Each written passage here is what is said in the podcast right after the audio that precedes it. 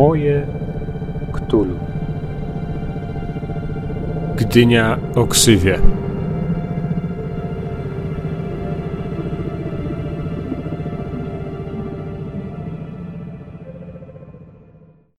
Cześć, jestem Kacper i witam Was w podcaście Moje Ktulu.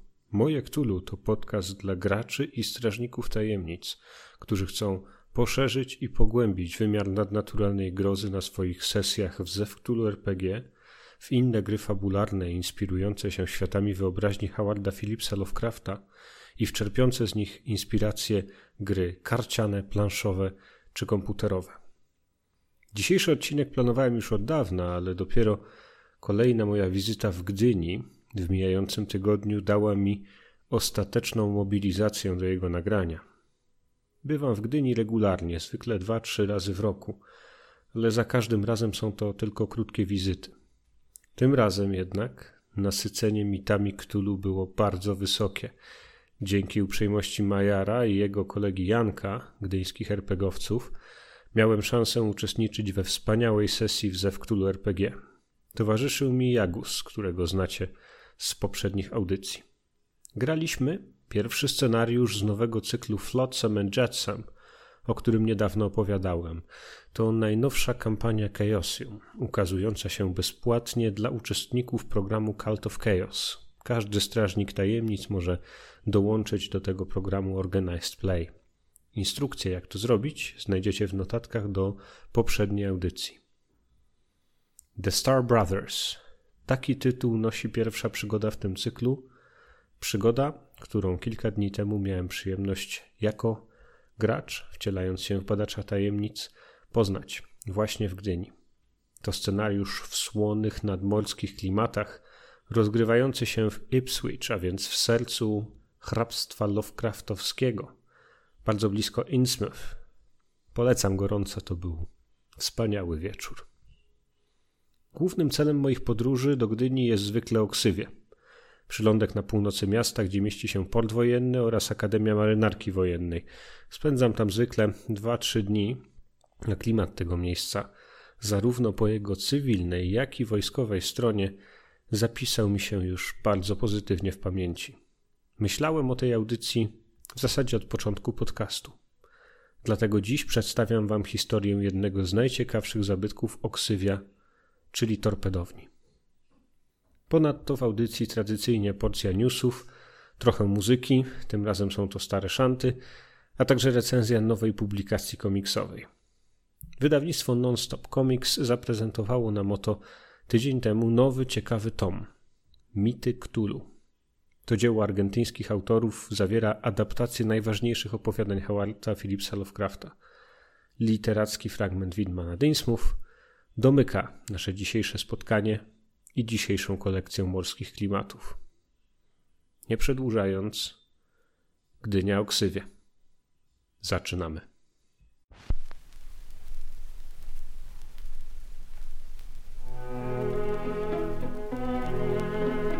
I'll sing you a song of the fish of the sea. Oh, you I'll sing you a song of the fish of the sea, for we're bound for the Rio Grande. And the way, Rio, away, you Rio, sing fare you well, my bonny young girl, for we're bound for the Rio Grande. Sing goodbye to Sally and goodbye to Sue. And you are listening, goodbye to you, for we're bound for the Rio Grande. And the way, Rio, away, you Rio. Sing fare you well, my bonny young girl, for we're bound for the Rio Grande. Our ship went sailing out over the bar. And we pointed her nose for the southern star, for we're bound for the Rio Grande. And away,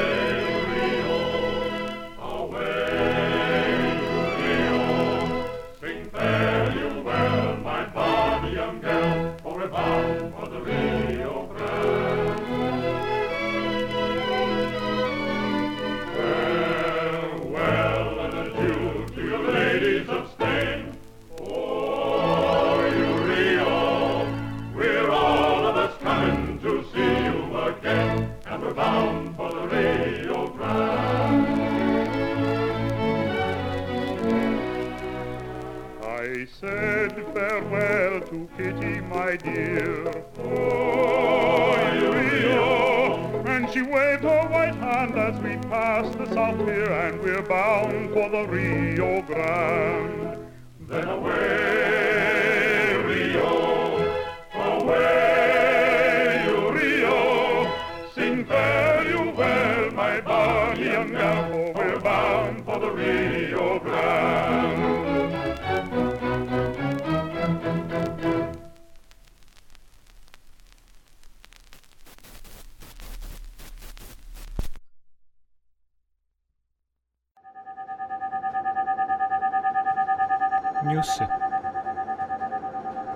Oczywiście zawsze najciekawsze są nowości wydawnicze i myślę, że na to najbardziej czekacie, ale tym razem, zanim do nich przejdę, chciałbym zaznaczyć dwie nowe informacje od wydawnictwa Black Monk, które mają znaczenie dla wszystkich, którzy czekają na podręczniki do Zewu Cthulhu siódmej edycji po polsku.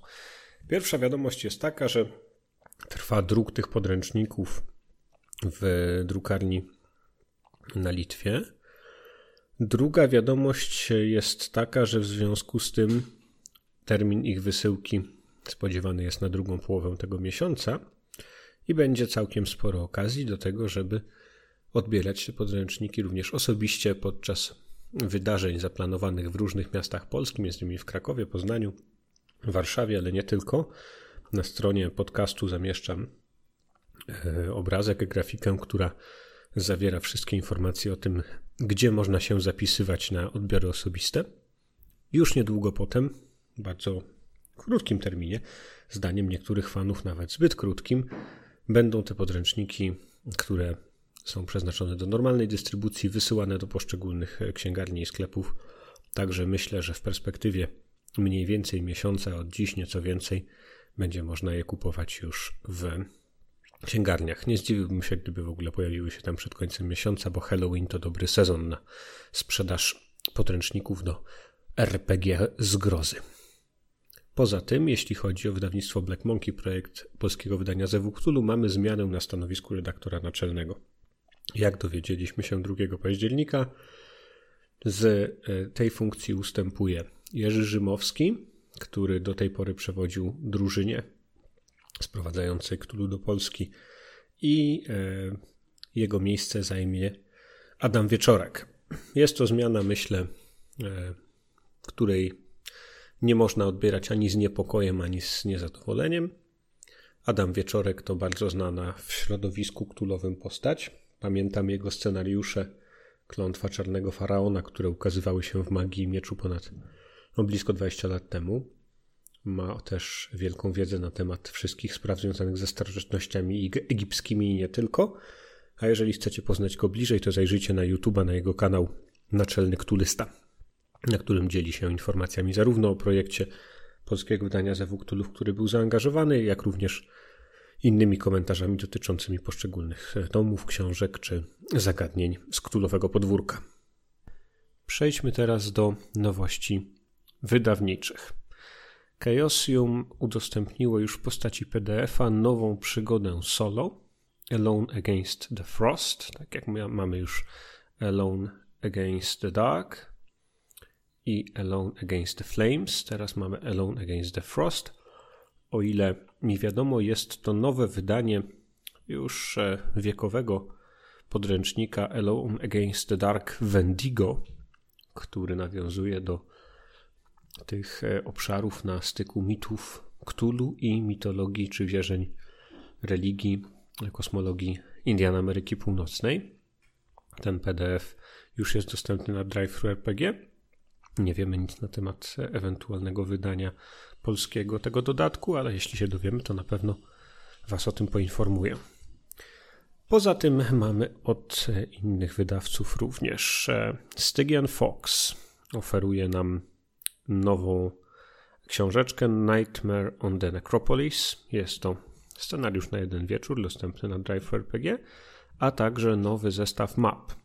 Dwa nowe zestawy map od Stygian Foxa, w zasadzie od jednej z liderek tego wydawnictwa, liderek tego zespołu.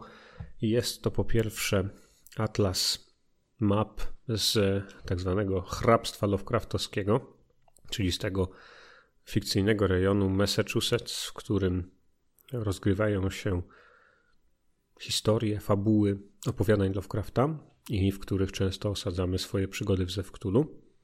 Mamy więc do dyspozycji w tym zestawie mapę Arkham, mapę Dunwich, mapę Innsmouth, mapę bliskiego szczególnie mojemu sercu Kingsport, gdzie rozgrywa się opowiadanie Święto, mapę Foxfield oraz dużą mapę całego hrabstwa, całego tego rejonu. Poza tym mamy kilka nowych wydań w The Miskatonic Repository. Pastor Ciem.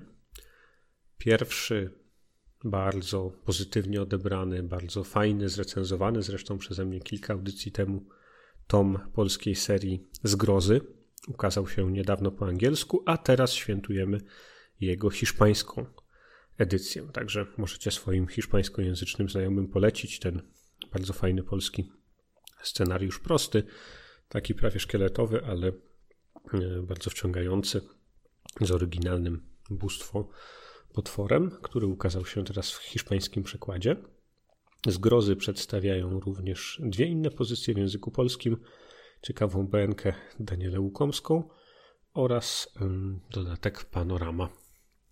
W Miskatonic Repository mamy także Night Times The Purple Jacket.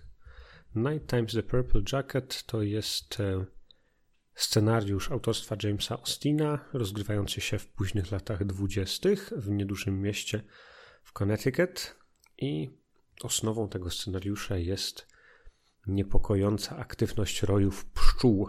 Pszczół, a nawet czegoś więcej niż pszczoły, jakichś większych pszczół, e, które to ich tajemnicze pojawienie się muszą, muszą e, zbadać i zeksplorować badacze tajemnic.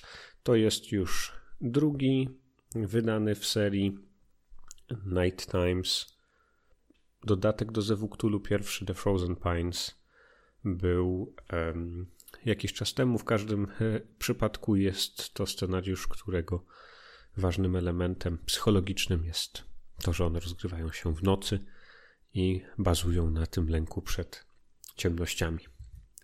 Ponadto w serii The Miskatonic Repository mamy scenariusz Return to the Island of Dr. Moreau Brandona Chapela. Jest to, jak sama nazwa wskazuje, powrót na wyspach doktora Moreau, czyli rozwinięcie klasycznego opowiadania Herberta George'a Wellsa. I jeszcze jedna nowość w Miskatonic Repository Galilee Springs. Tym razem krótki scenariusz autorstwa Shona Lidla, który rozgrywa się w latach 70. W niedużej, w niedużej e, społeczności e, koniec lata troje przyjaciół decyduje się wybrać na wycieczkę kempingową. Takie mamy nowości wydawnicze aktualnie. Obiecałem Wam też wspomnieć o nowych nagraniach sesji, nowych nagraniach Actual Play, które pojawiły się ostatnio na YouTube. Jeśli chodzi o Baniaka Baniaka, to mamy tam ostatnio dwa nagrania. Strach przed lataniem, a więc klasyczna przygoda z dodatku przerażające podróże i kolejny odcinek kampanii z tą grupą improwizatorów 1000 kilometrów. Na kanale Rzucaj Nie Gadaj, na kanale szczecińskim zbliżamy się do finału kampanii szczecińskiej. Kilka dni temu ukazała się sesja, która jest pierwszą częścią finału tej trwającej już wiele miesięcy kampanii rozgrywającej się w Szczecinie, e, niemieckim Szczecinie międzywojennym, którego tematem są przygody grupy badaczy tajemnic mających tam rozwinąć polską placówkę wywiadowczą. Na kanale Klimaty RPG dwie nowe przygody, dwa nowe spotkania.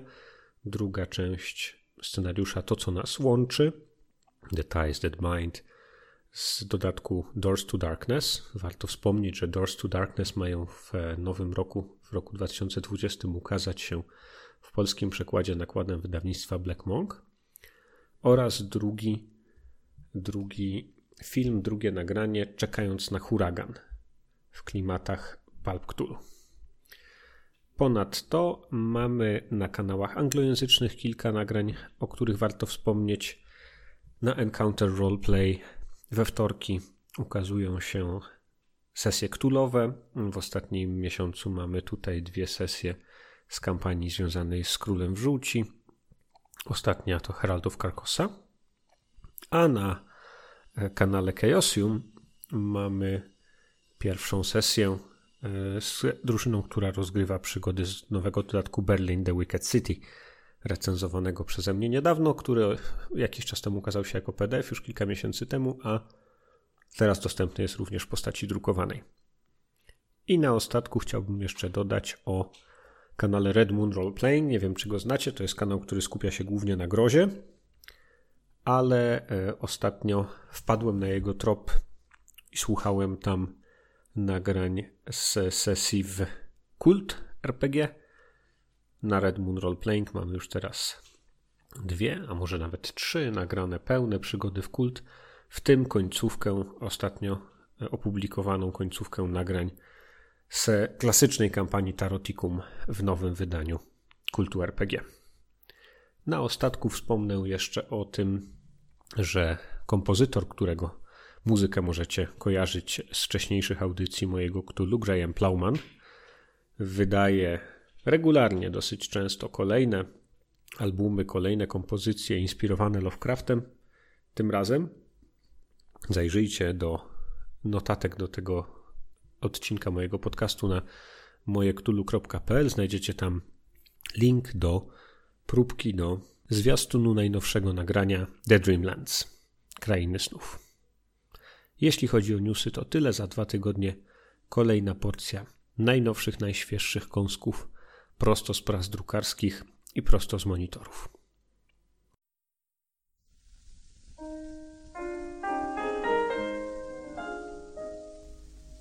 Ktulu w Polsce.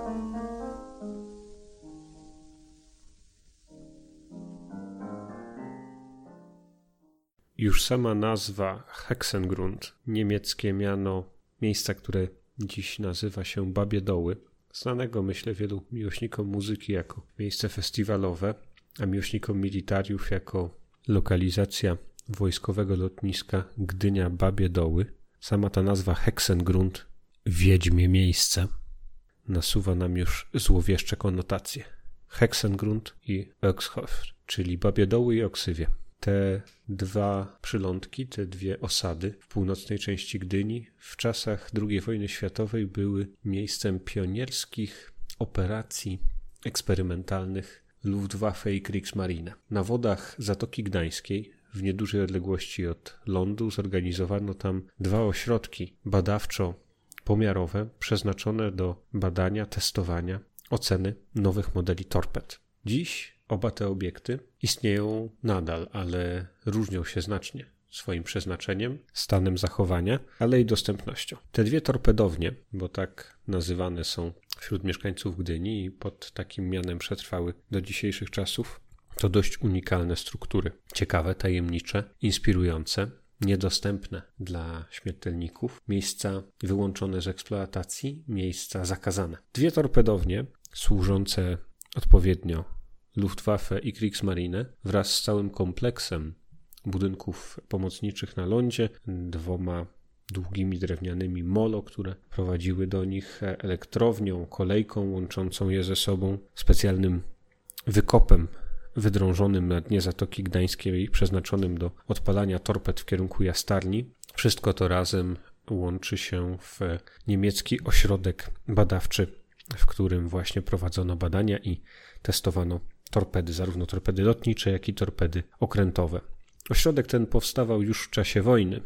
Rzecz jasna, Gdynia przed wojną przecież znajdowała się na terytorium Rzeczpospolitej Polskiej i we wczesnych latach 40. był budowany i rozwijany. Te dwie torpedownie, torpedownia Babiedoły i torpedownia Oksywie, to budynki o bliźniaczej konstrukcji, o bliźniaczym projekcie składające się z hal mieszczących urządzenia pomiarowe i warsztaty na kesonach zatopionych w morzu, znajdujące się w pewnej odległości od lądu i wyposażone w odpowiedni sprzęt pomiarowy, który pozwalał na badanie i certyfikację nowych modeli torped.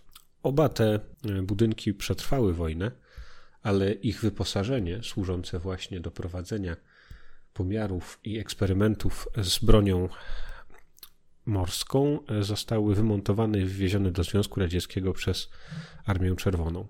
Jeden z tych budynków przejęty został ostatecznie przez marynarkę wojenną jako początkowo centrum szkolenia płetwonurków i, i, i magazyn, a w ostateczności i po dziś dzień jako miejsce dyslokacji i główna siedziba jednostki wojsk specjalnych Formozy a więc jednostki komandosów marynarki wojennej. Druga z tych dwóch torpedowni, ta w Babich Dołach, niszczała przez lata, poddając się wpływowi pogody, nie była mm, utrzymywana, jej basen portowy uległ zamuleniu. Na przełomie lat 70. i 80. zawaliła się jedna z jej ścian, naruszona silnymi mrozami, a w połowie lat 90. wysadzono molo, które do niej prowadziło. Dziś oba te budynki znajdujące się na wodach Zatoki Gdańskiej w niedużej odległości od siebie różnią się znacznie. Jedna jest imponującą, złowieszczą, inspirującą ruiną. Druga jest wciąż funkcjonującym ośrodkiem, jednostką wojskową, gdzie stacjonują morscy komandosi. Torpedownie w Gdyni e, miały obsługiwać niemiecką marynarkę wojenną i siły powietrzne. Poza nimi na wodach Zatoki Gdańskiej zbudowano też trzy wieże obserwacyjne, z których dwie przetrwały po dziś dzień, wzdłuż których wytyczono korytarz do zrzutu torped lotniczych przez eskadry startujące wówczas z lotniska Babiedoły.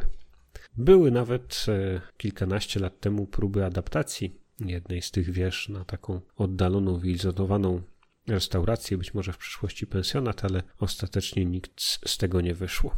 Budynki te od e, czasów zakończenia II wojny światowej były oczywiście bardzo interesującym, atrakcyjnym i e, bardzo wyjątkowym miejscem do prowadzenia szkolenia nurkowego ze względu na swoją skomplikowaną architekturę podwodną. I owocem tej praktyki nurkowej właśnie jest przeznaczenie torpedowni Oksywie jako siedziby, jako kwatery głównej jednostki komandosów marynarki wojennej, czyli Formozy.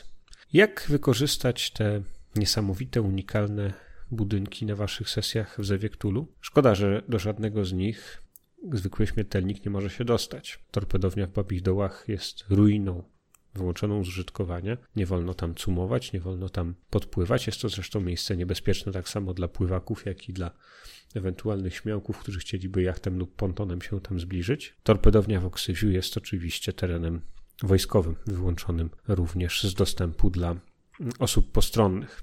Musimy więc oprzeć się na zdjęciach, na obrazach satelitarnych, na starej dokumentacji, ale znajdujemy tam wystarczająco dużo inspiracji do tego, żeby wymyśleć całkiem ciekawe zahaczki do scenariuszy w Zewie Cthulhu i dwie takie zahaczki chciałem Wam przedstawić.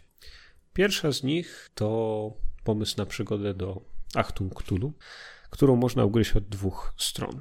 Wyobraźmy sobie okres budowy tych torpedowni w latach 40. i możliwość zaistnienia konfliktu czy naruszenia interesów istot z głębin zamieszkujących Zatokę Gdańską. Możemy sobie łatwo wyobrazić dwa odmienne ujęcia tego scenariusza.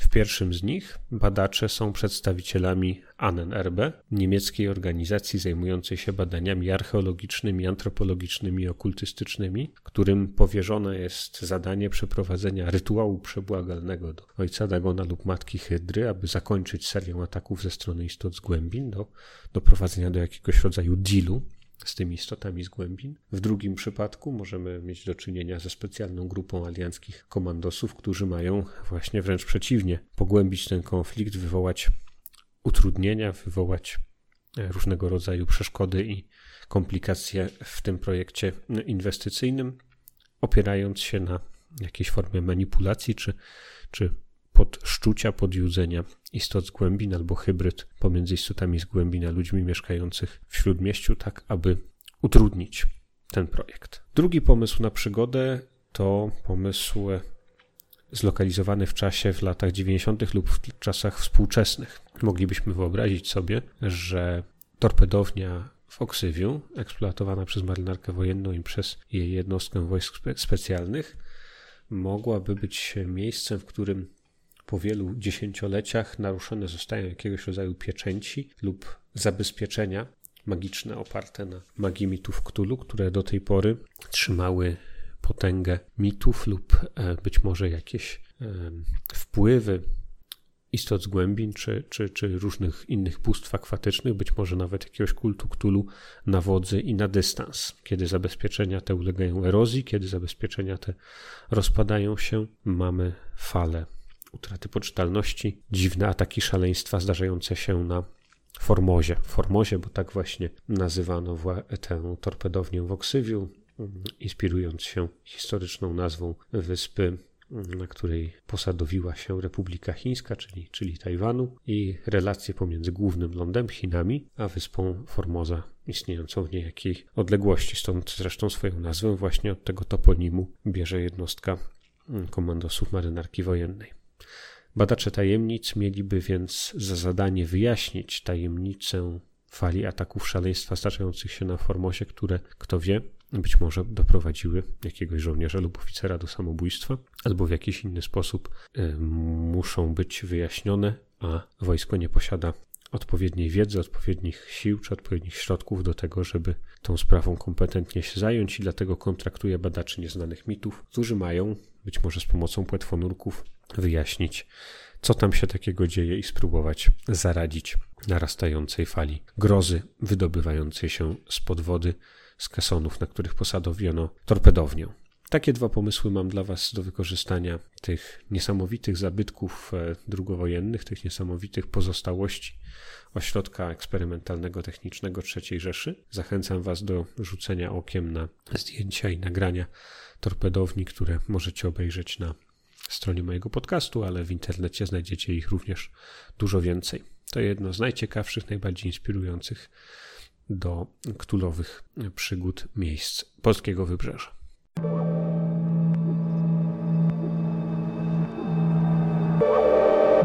Recenzja. Dzięki uprzejmości wydawnictwa Nonstop Comics otrzymałem elektroniczny egzemplarz wspaniałej księgi, wspaniałego tomu komiksowego Mity Cthulhu. Są to przeniesione na komiksowe karty wybrane opowiadania Howarda Phillipsa Lovecrafta, te najbardziej znane, w literackiej adaptacji Norberto Buscali, a przede wszystkim zilustrowane, wspaniale wyrysowane przez Alberto Breccia.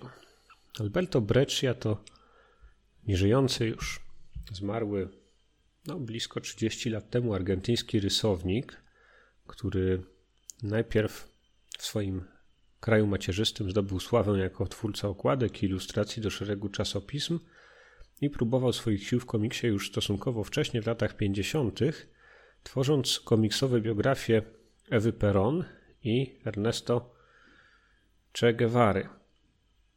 Ewa Peron to żona argentyńskiego dyktatora Juana Perona, postać kultowa, postać bardzo barwna, znana choćby z musicalu Evita, i jego ekranizacji z Madonną i Antonio Banderasem.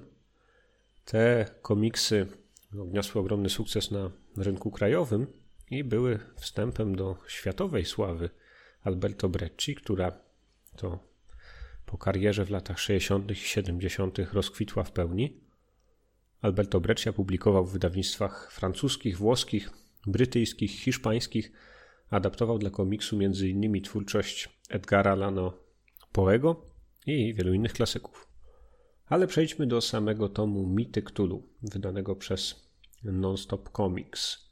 Co znajdziemy między okładkami tego albumu? Mamy tutaj aż dziewięć opowiadań przeniesionych na karty komiksu. Zgroza w Dunwich, Zew Cthulhu, Święto, Kolor z innego wszechświata, Coś na progu, Widmo nad Innsmouth, szepczący w ciemności, nawiedziciel mroku i bezimienne miasto. Już z samych tytułów widzicie, że mamy do czynienia z przekładem tekstu dość świadomym tego, co się w literackim świecie Lovecraftowskim dzieje. Tekst przetłumaczyła z oryginału Iwona Michałowska-Gabrych, która uzgodniła tłumaczenie z nowymi nazwami i tytułami z kongenialnych przekładów Macieja Płazy – ale nie weszła niewolniczo w te kolejny tłumaczeń Lovecrafta z angielskiego, skupiła się na tekście oryginalnym i to się dobrze czyta. To są świeże i ożywcze słowa. Nie zawsze cytaty z opowiadań. Bardzo przyjemne w odbiorze literacko. Co do rysunków, no cóż. Po pierwsze, każdy szuka, przeglądając te komiksy, jak zilustrowane są postacie potworów, jak zilustrowani są ci mroczni, niepokojący bohaterowie nie z tego świata. Nie, zawiedzie, nie zawiedziecie się, jeśli chcecie zobaczyć, jak oczami Alberto Brecci zilustrowany jest chociażby potworny syn Lawini Watley. Uwagę zwraca tu przede wszystkim niewątpliwie malarska technika wykonania. Kreska Brecci jest poetycka. Przyciąga uwagę czytelnika różnorodnymi mazami, plamami, rozpłyniętym tuszem, kroplami, które tak znakomicie oddają nierzeczywisty, zamglony klimat wielu dzieł Lovecrafta. Przenoszą opowiadania mistrza z Providence poza królestwo szmirowej prozy gatunkowej, dla której komiks jest naturalnym wręcz, prawie że macierzystym środkiem wyrazu, w stronę opowieści subtelnych, niejednoznacznych, onirycznych. To jest największa zaleta tego albumu, albumu Mity Cthulhu. W epoce, kiedy pulpowa poetyka z dużą siłą napiera na ktulowy świat wyobraźni, w czasach, w których żyjemy, te ilustracje Brecci sprzed blisko pół wieku oferują spojrzenie z innego kąta. To spojrzenie pozbawione skrótów estetycznych kultury popularnej, bardziej zbliżone do, powiedziałbym, szkicownika jakiegoś artysty spoza komiksowego świata, tym bardziej intrygujące. Bo czytając ten komiks, mam wrażenie, jakbym zaglądał przez ramię rysownikowi, któremu pod wpływem inspiracji przypada wykonać szkice do albumu. Kiedy tylko uda mu się uchwycić temat jakimiś środkami, to porzuca tę ramkę i przechodzi do następnej. Spieszy do przelania na papier kolejnej sceny tego komiksu. I ten graficzny skrót, jak zawsze, każdy skrót prowadzi do metafory. A w albumie Mity zatrzymuje się na samej granicy pomiędzy tym, co jednoznaczne, co uderzające wizualnie, a tym, co niedopowiedziane. Piękny album. W mijającym roku ukazały się w Polsce również dwa inne albumy komiksowe: Neonomicon oraz Providence. Alana Mura, wydane przez Egmont. Muszę przyznać, że pomimo zaangażowania się w tamten cykl Providence i w cykl Neonomicon, wielkiego artysty komiksu, jakim bez wątpienia jest Alan Moore, to mity Cthulhu Brecci naprawdę nie mają się czego wstydzić. To jest głęboko artystyczne, autorskie, poetyckie zmierzenie się z literackim materiałem Howarda Phillipsa Lovecrafta. Za to należy mu się pełna ocena 5. Polecam ten komiks. Możecie go kupić w Empikach, wysyłkowo na stronie wydawcy, a jeśli chcecie pobrać także jako PDF.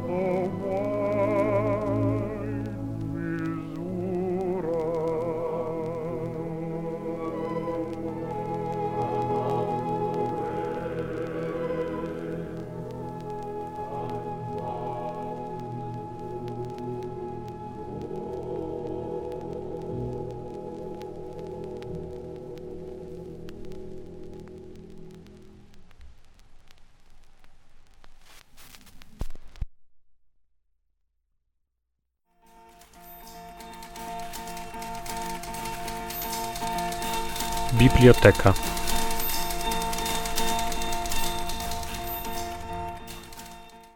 Howard Phillips Lovecraft. Widmo nad Innsmouth. Przełożył Maciej Płaza. Nawet teraz nie jestem jeszcze władny stwierdzić, czy to, co ujrzałem chwilę później, było ohydną rzeczywistością, czy tylko omamem z koszmarnego snu. Wszczęte za sprawą mych szaleńczych apeli działania rządu zdają się potwierdzać, że była to potworna prawda. Czyż jednak w tym prastarym, nawiedzonym mieście widmie omam nie mógł się powtórzyć? Takie miejsca miewają dziwne właściwości, w gąszczu zaś wymarłych, zaśmiardłych ulic, gnijących dachów i mruszających wież obłąkańcze legendy mogły wywrzeć wpływ na każdego, kto tylko jest obdarzony wyobraźnią. Czy można wykluczyć, że w posępnym widmie, które zawisło nad Innsmouth, lęgnie się zaraźliwy zarodek prawdziwego szaleństwa? Któż zawierzy rzeczywistości, usłyszawszy opowieść starego Zadoka Alena? Policja nie odnalazła biednego Zadoka, nie miała też najbledszego pojęcia, jaki mógł spotkać go los. Gdzie kończy się szaleństwo, a zaczyna rzeczywistość? Czy to możliwe, że nawet lęk, który dręczy mnie ostatnio, jest tylko czystym złudzeniem? Muszę jednak spróbować opowiedzieć, co, jak mi się zdaje, ujrzałem w żółtym świetle drwiącego księżyca, co tarabaniło się w falujących podskokach drogą do Rauli, gdym kulił się w kępach jeżyn na opuszczonym torowisku. W postanowieniu, by nie otwierać oczu, oczywiście nie wytrwałem, nie mogłem w nim wytrwać. Któż siedziałby w ukryciu z zamkniętymi oczami, podczas gdy ledwie sto yardów dalej przetacza się ze wstrętnym trzepotem legion skrzeczących, skowiczących istot nieznanego pochodzenia. Sądziłem, że jestem gotów na najgorsze. I zaiste wszystko, co widziałem do tej pory, powinno było dać mi jego przedsmak.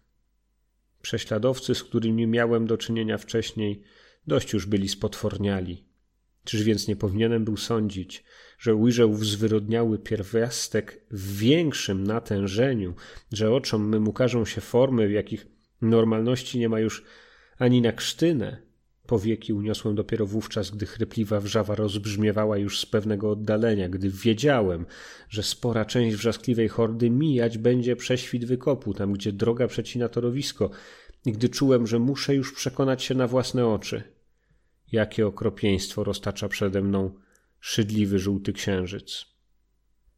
Był to kres wszystkiego, co pozostało mi jeszcze z ziemskiego żywota, kres psychicznego spokoju, tudzież wiary w integralność natury i ludzkiego umysłu. Cokolwiek bym sobie wyfantazjował, nawet traktując najdosłowniej w świecie bajdurzenia starego Zadoka w najmniejszym nawet stopniu nie dorównałoby tej bluźnierczej, demonicznej rzeczywistości, która odsłoniła się mym oczom, lub też tylko oczom wyobraźni. Do tej pory starałem się ją zakryć mglistymi aluzjami, bo myśl o jej opisaniu napawała mnie zgrozą. Jestże możliwe, by na naszej planecie lęgły się takie istoty? By człowiek na własne oczy oglądał coś, co pierwej znał jedynie z gorączkowych fantazji i mglistych legend? A przecież widziałem je. Widziałem, jak trzepoczą, skaczą, skrzeczą, beczą nieludzko w upiornym blasku księżyca, jak tańczą swą groteskową, złowieszczą sarabandę rodem z najfantastyczniejszych sennych koszmarów, a niektóre z nich miały na sobie wysokie tiary z nieznanego złoto-białawego metalu, niektóre dziwne szaty, a przewodnik całego pochodu odziany był w czarny, upiornie wybrzuszony na grzbiecie płaszcz i pasiaste spodnie. Tam zaś, gdzie miast obmierzłego bezkształtu winien mieć głowę, przestrojony był w filcowy męski kapelusz. Ciała ich były, jak mi się zdaje, głównie barwy szaro-zielonej, choć na brzuchu białe, przeważnie zdawały się połyskliwie śliskie, lecz na grzbiecie pokryte były łuską w najogólniejszym zarysie. Istoty te były człekokształtne, lecz głowy miały rybie. O olbrzymich, niezamykających się ślepiach po obu stronach skrzyi pulsowały skrzela, długie szpony połączone były błoną. Stwory poruszały się w nieregularnych podskokach, czasem na dwóch nogach, czasem na czworaka, nie wiedzieć czemu byłem rad, że nie mają więcej kończyn.